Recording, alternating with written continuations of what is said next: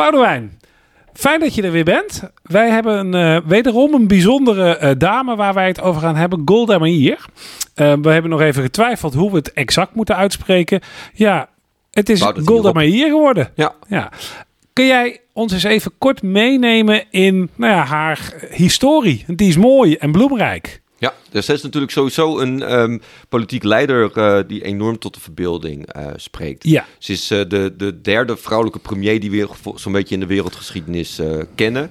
En bovendien van ontzettend grote betekenis geweest voor het land Israël. Ja. Ehm, nou, eventjes toch even de feiten op een rij. geboren in 1898 in Kiev. Ja. Uh, dus in, uh, in Oekraïne. Ja. En um, uh, overleden uiteindelijk in 1978 in, in Israël. Um, ze heeft niet heel lang in Oekraïne heeft ze, uh, gewoond. Uh, de Joden daar die uh, leefden eigenlijk gewoon in, in, in, aparte nederzettingen. Ja. En um, heel regelmatig waren daar nog steeds pogroms. Dus zij ging met haar familie, werd ze meegenomen naar, naar de Verenigde Staten, waar ze uiteindelijk tussen 1906 en 1921 leefde. Uh, dus eigenlijk haar hele vormende deel van haar leven heeft ze daar zo'n beetje uh, gewoond. Um, daar heeft ze ook heel goed Engels uh, leren spreken, uiteraard. Mm -hmm. dat zeg ik alvast omdat het voor later van, van grote betekenis is geweest. Ze ging in 1921 ging ze naar, naar Israël um, en um, heeft daar eerst ook op een kibbutz heeft ze gezeten en daar gewerkt. Um, heeft uh, alle verschrikkingen uh, natuurlijk gezien die er plaatsvonden in, in Europa. En na de Tweede Wereldoorlog werd ze echt ook politiek actief. En is een van de ondertekenaars geweest van het document dat de staat Israël heeft, heeft gevormd. dat is toch wel een hele bijzondere natuurlijk om, om te vermelden. Dat was 1948. Um, zij werd toen eerst een korte periode werd ze ambassadeur in de Sovjet-Unie. terug. Ja, en in 19, maar al ja. in 1949 ja. keerde ze terug en werd uh, lid van de Knesset. Uh, dat ze bleef tot, uh, tot 1974, het einde van haar politieke carrière. Ja. Nou, en die, in die hele tussenliggende periode heeft ze diverse ministerschappen heeft ze ook gehad. Maar ik denk dat het belangrijkste is dat ze in 1969 premier werd van, het, van het land tot 1974. En um, nou, dat is ook de periode natuurlijk geweest uh, waarin uh, Israël betrokken werd in, uh, in de laatste grote oorlog, waarbij het door meerdere landen tegelijkertijd werd aangevallen. Dat was de Yom Kippur-oorlog, die op ja. 6 oktober 1973 begon. Ja. En wat voor haar nou toch wel, of in ieder geval voor het land, als een redelijk grote verrassing kwam. dat ze door meerdere landen tegelijkertijd werd aangevallen. Ja, verrassing in die zin uh, en ik denk dat we daar zo nog wel op komen. Verrassing dat het juist op dat moment gebeurde. Want, ja, want ze zagen het wel aankomen meer van, van dit gaat één deze dagen gebeuren. Maar dat het echt 6 oktober zou zijn, die hadden ze niet door. Nee, nee en, en ze hadden natuurlijk. Hey, um, um, uh, jij en ik hebben rond dezelfde tijd uh, examen gedaan, de geschiedenis van ja. VWO. Uh, ik, ik weet nog wel, toen, toen kwam Israël ook langs. Hè, dus die, die vier oorlogen, hè, 48, toen die, die staat net uitgeroepen werd. Gelijk die Arabische buren die daar bovenop doken met een oorlog. In 56 de Suez-crisis, waar ze dan natuurlijk zelf iets meer in de agressieve rol ja. zaten. Toen Frankrijk en, en Engeland probeerden om dat Suezkanaal te behouden. Hè? En Nasser dacht, nou, Pik. Ja, ja, precies. Maar in 67 kwam die Zesdaagse Oorlog. En in, in 75 kwam de... Uh, drie, uh, nou, zit ik er zelf bijna naast. 73. Uh, kwam, de, kwam die Yom Kipporen inderdaad. Dus zij zaten eigenlijk constant in een sfeer van. Ja, we hebben in, in de voorbespreking hadden we het even over een, een, een stad die belegerd wordt. Hè? Dit was eigenlijk een staat die als het ware constant belegerd werd, omringd ja. door. Nou ja, een, een, vanaf het allereerste begin ja. van uh, het begin van de staat van Israël in 1948 ja, tot eigenlijk nu is, is er continu uh, is er het gevoel in Israël dat ze van verschillende kanten in, ja, ja, in hun bestaan bedreigd worden. Ja. Dat doet iets. Ja, en wij hebben dat vaker, uh, misschien niet altijd uitgesproken bij de microfoon, maar wij zeggen dat wel vaker tegen elkaar. Hè? Wij zijn in deze podcast niet op zoek naar controverse of uh, historisch een, een kant kiezen of zo. Hè? Het gaat ons om van, joh, je hebt een historische leider, die man of vrouw deed iets, wat kun je daar nou van leren?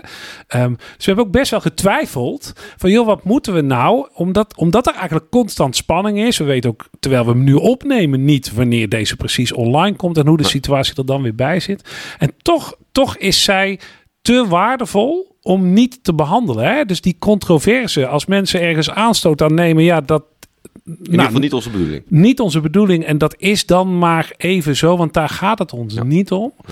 En uh, waarom je dat nu ook exact zo zegt, is natuurlijk omdat um, op 6 oktober 1973 die Yom Kippur ja. uitbrak. En nu 50 jaar later, op 7 oktober, dus een dag later, Hamas uh, die vreselijke aanval deed. Ja, precies. Um, en, en dat maakt dat we toch nog eens even naar haar kijken. Je hebt ja. historisch al geschetst wat, wat zij deed. En um, zij, zij heeft wel een paar mooie wijze lessen, denk ik, waar, waar, waar wij.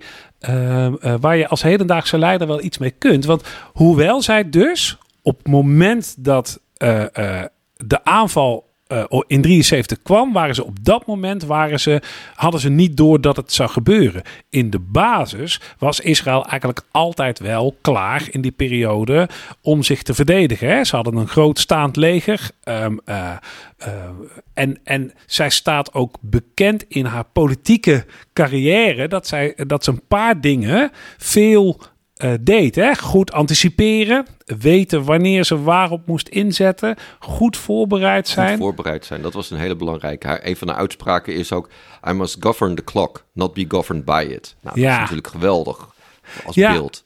Nou ja, en over mooie uitspraken gesproken, daar heeft, daar heeft ze er meer van. Hè? Want zij, uh, zij staat ook wel bekend op haar no-nonsense manier van politiek bedrijf. Hè? Zij durfde ook, en ik ga dat even voorlezen hoor, want uh, zij zat op een gegeven moment bij, uh, bij toenmalig president Assad. En toen zei ze: Als u niet bereid bent om met ons te praten, dan zullen we met u moeten vechten.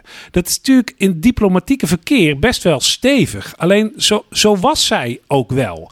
Ook binnenlands, ook een hele leuke uitspraak die dat, die, die no-nonsense aanpak wel uh, had. Ten tijde van een van die oorlogen, ik weet even niet welke, toen was er ook wat uh, onrust in de avonduren. Dus er zou dan een avondklok moeten komen voor vrouwen. Want Hè, die werden dan lastig gevallen door mannen. Dus dan moest er maar een avondklok komen. Toen zei ze, nou, maar volgens mij worden die vrouwen lastig gevallen door mannen. Zullen we die mannen dan gewoon binnenlaten na acht uur? Ja, weet je, zo, zo bam, eh, in your face. Echt no nonsense. Dat, ja, dat vind ik, ik hou daar wel van. Ja. En dat vind ik wel een mooie... Uh, ik, het, het is een stijl die haar ook wel iets heeft gebracht. En dan doe ik één laatste voorbeeld over wat dat en voorbereidt en no-nonsense heel erg met elkaar combineert. En dat is. Uh, Israël had natuurlijk zeker in die, in die jaren vaak geld nodig. Dus werd een, een, diplomaat werd naar de VS gestuurd om daar geld op te halen. Dat lukte niet. En nou ja, komt terug. Hebben ze Golda Meir gestuurd. Uh, en die kreeg weliswaar wel wat geld van de regering, maar ook niet dat wat nodig was. Dus goed voorbereid zijn, hebben we geld nodig. Toen heeft ze gewoon oproep gedaan daar aan al die Joodse inwoners in de VS. Van joh, joh, maar iedereen kan toch wel een dollar missen. En toen kwam ze dus letterlijk terug met koffers vol dollarbiljetten. En die werden ook opgestuurd. En dat beeld is natuurlijk wat aangedikt. Maar gewoon, het, ik hoef niet een miljoen van de regering te hebben. Als ik een miljoen keer 1 dollar van al die Joodse inwoners kan krijgen, hè, dan heb je hetzelfde. Ja, ik vind, ik vind dat, ik vind dat, wel mooi. Dat is echt heel mooi inderdaad. Ja, dat, dat uh, anticiperen op, dat is ja. uh, wel echt voor haar een hele belangrijke geweest. Ook in, in al haar functies die ze, die ze heeft gehad. Uh, ook als ik keek naar hoe dat bestaan van Israël um, gewoon wel gerealiseerd kon, kon worden. Want zij heeft altijd gezegd, we, moet, we moeten een soort paraatheid moeten we hebben. Er is yeah. altijd de kans dat we aangevallen um, worden. Dus zij zorgde er ook um, ja, eigenlijk voor dat dat leger continu gemoderniseerd werd dat het in staat was om, om dat soort aanvallen uit uh, te voeren. Maar ze was, nou ja, dat is misschien ook wel weer die no-nonsense, zich ook wel te degen van uh, bewust dat, ze, dat als Israël alleen kwam te staan, dat dat ja. niet zou gaan werken, niet voldoende zou zijn. Dus ze heeft zich ook altijd uh, heeft ze ingezet om ook de steun van, van wereldmachten uh, te, te behouden. En, en, dan met name de Verenigde Staten natuurlijk. Dat is zeer succesvol in geweest. En dat is ook mede te danken aan het feit dat ze daar gewoond heeft. En dat ze gewoon de taal echt goed machtig was. Ja. Dat was toch een hele belangrijke factor is dat uh, geweest. Maar ook intern, maar daar kan jij meer over, uh, over vertellen. Ook intern uh, Israël zorgde ze ervoor dat, dat het land gewoon... Ja, nou ja, misschien niet voorbereid was, maar in ieder geval weerbaar was. Ja, nou ja, en, en, en dan moeten we ook naar een afronding hoor. Want, maar uh, dat klopt wel. Hè? We hadden, ik gaf net dat voorbeeld ook. Hè? Een, een stad die belegerd wordt, is niet bezig met um, uh, nog de kinderen mooi opleiden of een, uh, ik wil het brood mooi versieren. Hè? Um, zij deed dat wel. Hè? Zij heeft ook later wel teruggeblikt. Mijn mooiste tijd was mijn tijd als minister van Arbeid. Hè? Daar was zij echt mee begaan. Um, en zij heeft ook uh, Israël intern gewoon echt wel een verzorgingsstaat van, van niveau weten op te richten in, in eigenlijk een land wat constant bezig moest zijn met naar buiten kijken. Um, en dat is wel knap en dat heeft volgens mij ook te maken als jij met, weer die twee dingen, wees voorbereid en no nonsense voorbereid zijn is niet alleen je leger paraat hebben, maar eigenlijk je hele bevolking weerbaar hebben. En dat heeft ook een, vraagt ook een lange termijn investering. Die deed ze. Uh, en dat deed ze dan ook wel op haar manier. ze was echt niet bang. Uh, uh, haar speeches duurden zelden heel lang. ze was gewoon to the point, stevig. Ja, en daarmee, als je filmpjes ziet van haar. dat, het, is, het is echt wel, het is, het, ja, ik, ik kan daar gewoon heel mooi naar kijken. Hoe, hoe iemand daar dan gewoon staat en gewoon mensen aankijkt. En hup, boom, dit is het. Zeker. Dankjewel weer.